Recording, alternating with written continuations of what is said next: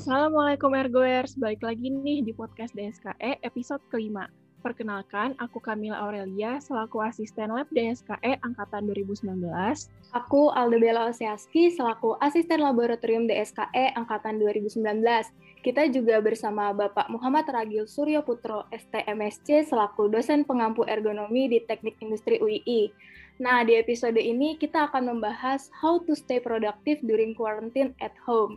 Assalamualaikum Bapak Ragil, gimana kabarnya Bapak? Waalaikumsalam warahmatullahi wabarakatuh. Baik Mbak Alda. Nah, sesuai tema kita kali ini yaitu how to stay productive during quarantine at home. Di masa pandemik ini kan cukup banyak aktivitas yang harus kita lakuin dari rumah ya Pak. Meskipun melakukan aktivitas dari rumah, tentunya kita juga harus tetap produktif. Kalau boleh tahu apa saja Pak aktivitas produktif Pak Ragil yang sudah dilakukan selama berada di rumah ya Pak? Baik, uh, sebelumnya mungkin saya balik ke ergonomi dulu gitu ya. Jadi bagaimana kita bisa menilai sebuah kajian tentang interaksi manusia dengan komponen sistem lainnya gitu ya. Jadi bagaimana kita bisa memahami sosok manusia itu sendiri terhadap sistem yang berada di sekelilingnya. Jadi kalau ditanya tentang produktivitas, apakah sudah produktif atau belum, itu balik lagi ke manusianya itu sendiri, merasa sudah mencapai keinginannya atau belum. Nah, di sini kalau aktivitas apa yang sudah saya lakukan, nah sebagai seorang uh, manusia, saya sendiri mempunyai banyak peran gitu ya. Perannya mulai dari saya sebagai seorang anak gitu ya dari orang tua saya, kemudian saya sebagai seorang ayah dari anak ataupun suami dari istri saya, kemudian saya sebagai seorang dosen terhadap mahasiswanya. Nah, di sini elemen produktivitas yang saya uh, mau pertimbangkan mungkin lebih tepatnya kalau peran saya sebagai dosen terhadap mahasiswanya dan juga sekaligus sebagai ayah atau suami dari istri dan anak gitu. Kalau dilihat produktif atau belumnya, uh, saya merasa ya selama lebih dari satu tahun kita sudah berada di masa pandemi ini cukup banyak tantangan yang memang kita hadapi gitu ya di mana working from home atau bekerja dari rumah itu membuat peran kita menjadi agak samar gitu ya. Sebelumnya kalau secara offline mungkin kita bisa memisahkan gitu ya. Saat saya bekerja di kampus, saya bisa menjadi seorang dosen murni yang hanya berinteraksi dengan kolega dosen maupun dengan mahasiswa. Namun pada saat saya di rumah, saya bisa menjadi seorang ayah dari keluarga saya gitu ya. Nah, tetapi pada saat blended, pada saat kita mengerjakan uh, pekerjaan itu di rumah, working from home, peran itu menjadi samar. Tipis batasnya antara saya menjadi dosen dan saya menjadi seorang suami atau ayah gitu ya. Nah, di sini keterproduktivitasan itu bisa terukur dari bagaimana saya bisa memenuhi peran saya sebagai dosen sekaligus peran saya sebagai seorang ayah. Uh, menurut saya, saya itu produktif kalau saya sudah bisa melakukan uh, pekerjaan saya sebagai seorang dosen sekaligus peran saya sebagai ayah di situ sendiri. Jadi uh, tantangan cukup besar nih dalam satu tahun ini ya kita bisa menjadi seorang pribadi manusia yang bisa uh, berperan ganda ataupun lebih dari dua peran gitu. Jadi itu yang sudah saya lakukan sebagai seorang dosen maupun seorang ayah gitu ya cukup banyak ya ternyata peran Bapak pribadi dan cukup memiliki tantangan yang besar juga ya Pak saat work from home ini. Iya Mbak, tantangannya cukup besar ini karena memang ya ini baru kita hadapi di tahun ini ya. Tahun-tahun sebelumnya kita selalu uh, dihadapkan dalam uh, situasi normal yang berbeda gitu. Jadi pada saat uh, era pandemi ini berlangsung, kita harus uh, mencoba beradaptasi di sana. Jadi ya cukup berat tantangannya. Baik Pak, uh, selanjutnya bagaimana menurut Bapak pribadi definisi produktif saat berada di rumah ini Pak? Itu seperti apa ya Pak? Nah, definisi dari produktif. Sebelumnya saya menceritakan terlebih dahulu ya, berdasarkan uh, referensi dari bukunya Sumant itu ya, kalau produktivitas itu bisa kita ukur dari seberapa besar output yang kita hasilkan dari seberapa besar input yang kita gunakan gitu. Setelah menilik dari referensi tadi, output per inputnya itu tadi, jadi saya merasa bahwa saya itu produktif jika saya bisa tetap menjalankan profesi saya sebagai seorang dosen, saya bisa mengajar, saya bisa membimbing mahasiswa, dan saya bisa menjalankan peran saya sebagai seorang ayah gitu ya, bisa mengasuh anak sekaligus me memberikan rasa keamanan untuk anak saya sendiri gitu. Jadi produktivitas itu untuk orangnya gitu ya bisa kita lihat sebagai bahwa saya bisa menghasilkan output sekaligus juga di rumah kita punya tempat kerja yang ergonomis yang bisa uh, memberikan peluang ataupun fasilitas bagi kita untuk bisa melakukan peran ganda itu tadi. Oke, seperti itu ya Pak. Jadi definisi produktif saat berada di rumah itu ketika uh, seberapa besar output yang kita hasilkan itu sebanding dengan input yang kita gunakan ya Pak. Selanjutnya untuk mencapai produktivitas tersebut kan tentunya terdapat beberapa aspek yang mendukung ya Pak. Nah, menurut Pak Ragil sendiri aspek ergonomi di rumah itu cukup memberikan pengaruh yang besar atau tidak ya Pak dalam peningkatan produktivitas? Sangat besar ya, karena kita adalah individu manusia gitu ya. Ergonomi itu bagaimana kita bisa melihat interaksi antara manusia dengan lingkungan sekitarnya. Jadi pada saat kita bekerja di rumah, lingkungan sekitar kita yang ada di rumah itu sangat berpengaruh terhadap hasil kinerja kita gitu ya menurut saya tempat saya bekerja gitu ya pada saat di rumah kita harus mempunyai stasiun kerja yang memang ergonomis dan bisa membantu kita bekerja secara nyaman, membantu kita supaya tidak cepat merasa lelah dan membuat kerja kita beban kerja kita baik itu fisik maupun mental itu lebih ringan gitu ya, lebih efisien untuk kita bekerja. Jadi ya menurut saya sangat besar peran ergonomi di dalam kita bekerja di rumah itu. Oke, uh, jadi kita harus memperhatikan aspek ergonomi ya Pak, yang dapat membuat lebih efisien saat kita melakukan pekerjaan di rumah tersebut. Mungkin sep seperti postur kerja ya Pak ya? Ya, nah di situ ya postur kerja itu adalah salah satu bidang kajian di ergonomi yang memang cukup mudah diaplikasikan pada saat kita melirik ataupun memfokuskan pada interaksi manusia dengan lingkungannya gitu ya. Jadi postur itu bagaimana tubuh kita bisa berada pada sebuah kondisi yang nyaman untuk tetap bisa melakukan pekerjaannya secara baik. Contohnya nih ya, kita punya tempat kerja yang tertata dengan nyaman, itu bisa membuat kita bekerja dengan postur tubuh yang nyaman, postur tubuh netral, postur tubuh normal yang bisa membuat kita melakukan pekerjaan dengan lebih baik dan kita merasa puas dengan sendirinya terhadap pekerjaan yang kita lakukan. Dan sekaligus juga harapannya dengan postur kerja yang baik, kita bisa terhindar dari stres maupun beban kognitif maupun fisik yang tinggi. Nah, kalau beban kerja di rumah itu sekarang kan loadnya lebih tinggi ya daripada beban kerja pada saat di kantor gitu ya karena kita mempunyai peran yang ganda itu tadi. Jadi dengan adanya uh, aplikasi ergonomi pada saat kita working from home itu bisa me mengenhance atau meningkatkan performansi postur tubuh daripada kita melakukan pekerjaan itu. Oke, jadi cukup penting ya Pak untuk kita memperhatikan postur kerja itu sendiri karena tadi kan postur kerja itu sendiri bisa uh, membuat tubuh kita menjadi nyaman agar terhindar dari stres saat melakukan pekerjaan di rumah ya Pak. Iya, betul. Nah, teman-teman, berarti kita harus memperhatikan postur kerja kita nih untuk meningkatkan produktivitas kita selama berada di rumah.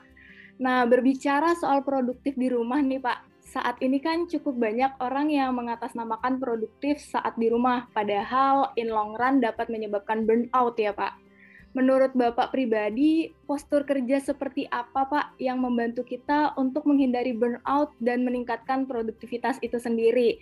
Oke, okay, jadi burnout ya tadi berarti uh, kelelahan yang amat sangat gitu ya. Jadi kalau kita lihat ada banyak isu ergonomi pada saat kita bekerja di rumah. Mulai dari keluhan muskuloskeletal, di mana contohnya ya keluhan bahu, keluhan pada punggung bagian bawah, kemudian keluhan leher, kemudian keluhan pada mata, carpal tunnel syndrome atau keluhan pada uh, lengan uh, bagian pangkal tangan kita gitu ya. Lalu fatigue dan stresnya itu sendiri. Nah, di sini bisa diakibatkan oleh posisi kerja ataupun postur kerja yang tidak bagus gitu ya. Jadi uh, sebagai contoh nih, kita kalau mau bekerja gitu ya dalam tanda kutip berinteraksi dengan komputer, dengan laptop dan sebagainya, kita harus punya postur yang netral. Netralnya manusia itu apa sih? Duduk, tidur dan berdiri. Jadi uh, duduk tegak, tidur juga terlentang dengan baik, berdiri juga uh, secara vertikal kita berada pada posisi tegak. Nah, pada saat kita berinteraksi dengan berinteraksi dengan komputer itu sendiri, kita uh, diusahakan dalam keadaan duduk yang baik, duduk yang nyaman.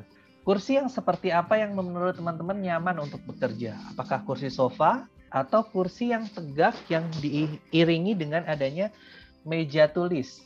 Tentunya teman-teman lebih memilih kursi tegak dengan adanya bantuan meja untuk bisa meletakkan laptop ataupun komputernya itu sendiri ya. Jadi kita bisa membuat postur tubuh duduk tegak dengan uh, posisi nyaman manusia untuk bisa uh, menjangkau laptop ataupun komputer sedemikian rupa sehingga kita bisa merasa nyaman, tidak membungkuk, punggung bawahnya tersangga dengan baik, pergelangan tangan juga tersupport dengan baik. Nah, di situ. Jadi uh, menurut saya teman-teman kalau mau bisa prolong gitu ya, mau bisa bekerja lama, berilah tubuh kita kenyamanan berupa postur yang baik pada saat teman-teman bekerja dengan komputernya itu sendiri. Nah, jadi gitu teman-teman duduk yang nyaman itu contohnya ketika teman-teman duduk di kursi yang tegak dengan bantuan meja contohnya sehingga teman-teman uh, dengan mudah dapat menjangkau laptop dan posisinya itu punggung teman-teman tidak bungkuk dan pergelangan tangannya itu tersangga dengan baik.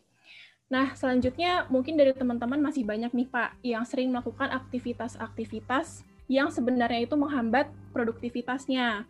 Nah, menurut Bapak Ragil, apa saja Pak hal-hal yang harus kita hindari agar kita dapat menjadi produktif selama di rumah?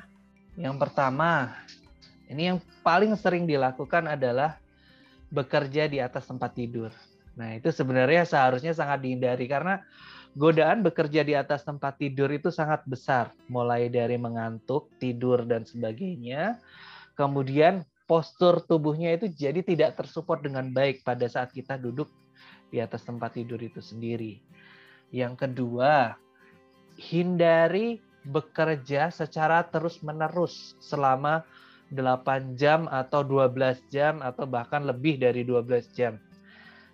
Gunakanlah sedikit waktu waktu untuk sekedar beristirahat dan meregangkan seluruh tubuh, otot-otot, rangka dan sebagainya sehingga teman-teman uh, bisa me membuat tubuhnya itu rileks gitu. Jadi silahkan bagi waktu misalnya kita punya uh, jam kuliah dua jam gitu ya. Nah, silahkan bagi dua jam itu menjadi tiga atau empat bagian gitu ya, di mana setiap uh, transisi antar bagian tersebut lakukan peregangan.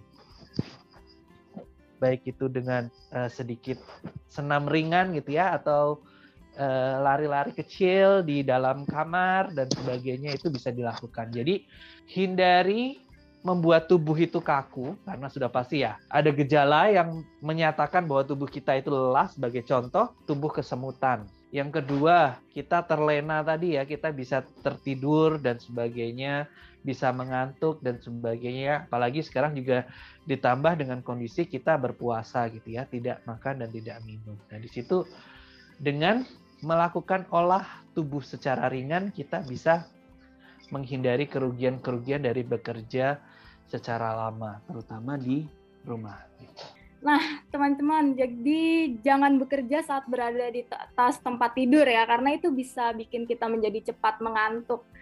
Kemudian tadi Bapak Ragil sudah menyebutkan kegiatan produktif di rumah.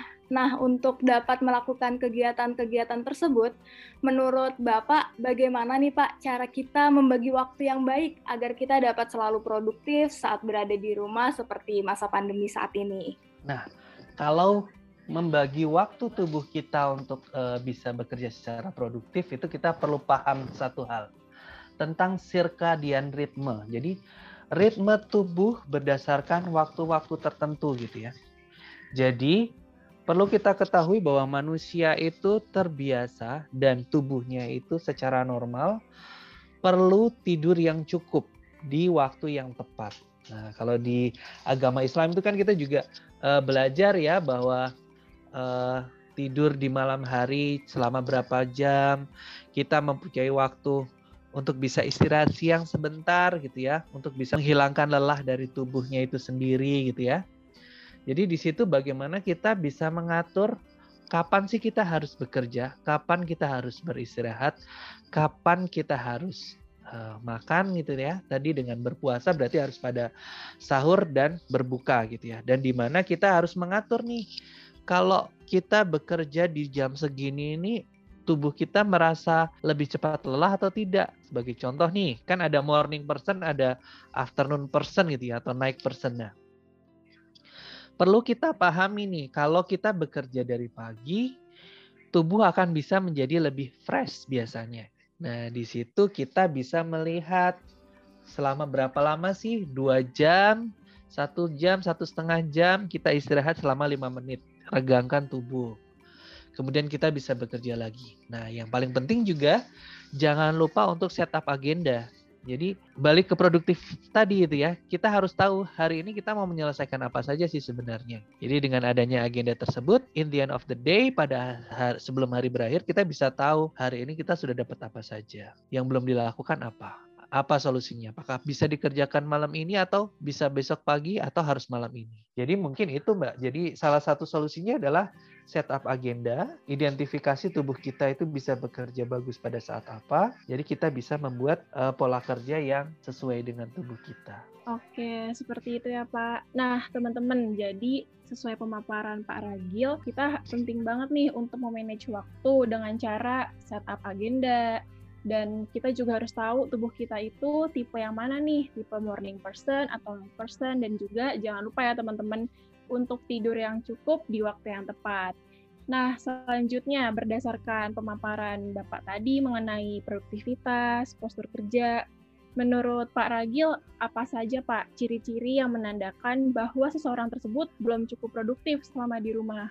Kalau kita bicara mengenai produktif atau tidaknya ya, perlu kita pahami tujuan kita hidup itu apa sih sebenarnya? Apakah itu untuk uh, bekerja apakah untuk bermain ataukah untuk uh, yang lain gitu ya. Kalau di agama Islam sendiri gitu ya, kita itu kan hidup itu untuk beribadah gitu ya, di mana bekerja itu salah satunya juga salah satu ibadah yang bisa kita lakukan. Nah di sini coba deh cek ya, dalam satu hari berapa banyak sih waktu kita digunakan untuk main gitu ya. Kalau zaman sekarang itu bukan sekedar bermain keluar ya bersama teman-teman yang lain melakukan aktivitas fisik gitu ya. Seberapa besar kita berselancar di dunia maya, seberapa besar kita bermain gadget gitu ya. Nah itu perlu kita lihat dalam diri kita sendiri, lebih banyak waktu bermain atau lebih banyak waktu bekerja Nah, kalau teman-teman merasa lebih banyak waktu bermain, kira-kira produktif atau enggak? Kayaknya mungkin kalau saya melihat pola sekarang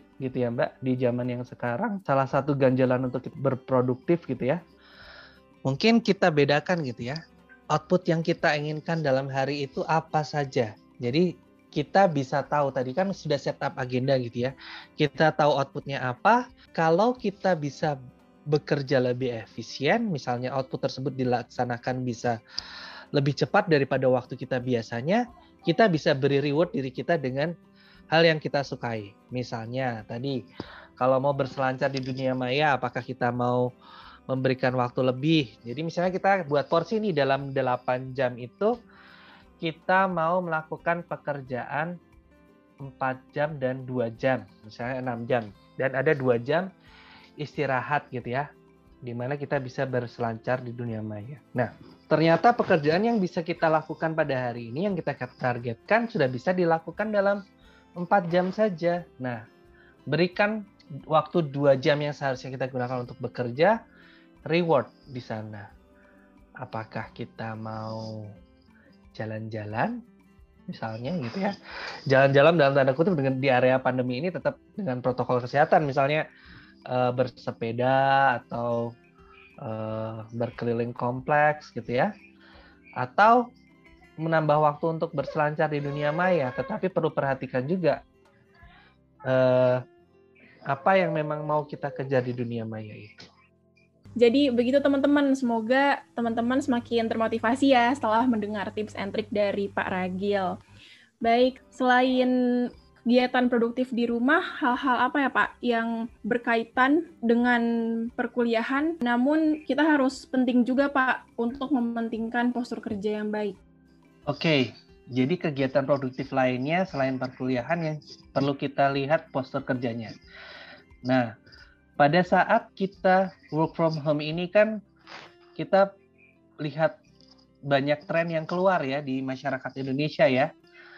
Baik itu pertama bersepeda, yang kedua jalan kaki, yang ketiga gardening, yang keempat memasak. Nah, empat hal tersebut saya rasa cukup banyak tantangannya untuk melihat postur kita ya, postur tubuh ya. Pada saat bersepeda, pastikan kita menggunakan sepeda yang cocok, sepeda yang sesuai dengan dimensi tubuh kita. Sehingga pada saat bersepeda tidak terlalu membungkuk atau tidak terlalu kakinya kurang menjangkau gitu. Nah, di situ bagaimana kita bisa melihat uh, sepeda mana yang cocok dengan tubuh. Jadi setiap orang itu kan mempunyai dimensi tubuh yang berbeda-beda. Nah, itu perlu kita sesuaikan dengan diri masing-masing. Jangan hanya mengikuti tren misalnya sepeda yang bagus itu adalah sepeda lipat misalnya. Padahal sebenarnya kita nggak cocok pakai sepeda lipat, kita cocoknya pakai sepeda uh, mountain bike misalnya. Nah, seperti itu. Jadi kita harus bisa menyesuaikan tubuh, bisa menyesuaikan alat yang kita gunakan dengan tubuh yang kita miliki. Yang kedua, jalan kaki gitu ya. Jalan kaki atau running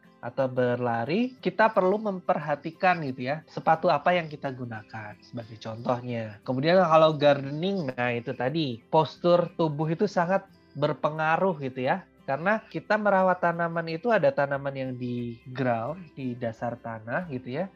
Ada yang ditaruh di pot. Nah, potnya itu apakah sesuai dengan jangkauan kita atau kita harus membungkuk pada saat merawat gitu ya. Biasanya kita kalau uh, melakukan perawatan tanaman itu kan bisa me menyirami atau memberi pupuk, mengolah tanah dan sebagainya. Nah, pada saat menyirami biasanya lebih enak gitu ya. Kalau kalau pakai selang dan sebagainya itu bisa memudahkan kita untuk bisa memaintain postur tubuh normal kita. Tadi kan tubuh normal itu ada duduk, berdiri dan tiduran. Nah, kalau kita pada saat merawat tanaman kan lebih banyak dinamis dan berdiri ya. Nah, di situ kalau tubuh kita tegak, itu akan lebih mudah untuk melakukan pekerjaannya. Tetapi kalau pada saat merawat tanaman lainnya selain menyiram, biasanya mengolah tanahnya itu ada posisi membungkuknya. Nah, di sini perlu diperhatikan posisi membungkuk mana yang membuat kita tidak cepat lelah atau lebih sering uh, didinamiskan gitu ya. Jadi berdiri meregangkan tubuhnya lebih sering pada saat merawat tanaman itu.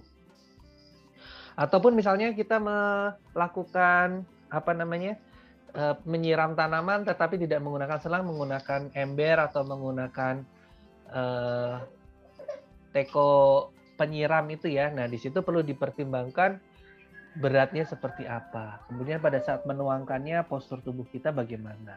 Nah senyaman mungkin seenak mungkin sehingga tidak menyebabkan cedera.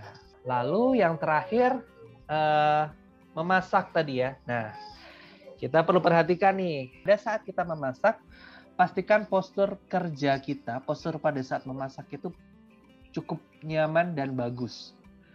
Jadi perlu perhatikan nih tinggi meja kerjanya, tinggi meja dapurnya tuh seperti apa.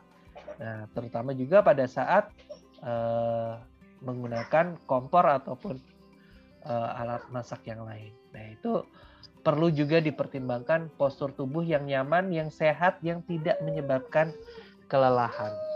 Begitu, Mbak. Wah, ternyata cukup banyak ya Pak aktivitas produktif yang mungkin bisa kita lakukan saat berada di rumah seperti olahraga, hingga memasak dan tentunya tetap memperhatikan postur tubuh yang normal ya Pak. Nah, begitu teman-teman, cukup banyak banget nih aktivitas-aktivitas produktif yang mungkin bisa kita lakukan walaupun di rumah. Jadi, eh, masa pandemik ini tidak menutup kemungkinan untuk kita tetap menjadi produktif. Wah, nggak terasa nih, udah cukup banyak banget kita mendengarkan pemaparan dari Pak Ragil yang tentunya sangat bermanfaat bagi kita semua. Benar banget nih Alda, semoga setelah ini kita semakin termotivasi ya dan dapat lebih produktif saat berada di rumah.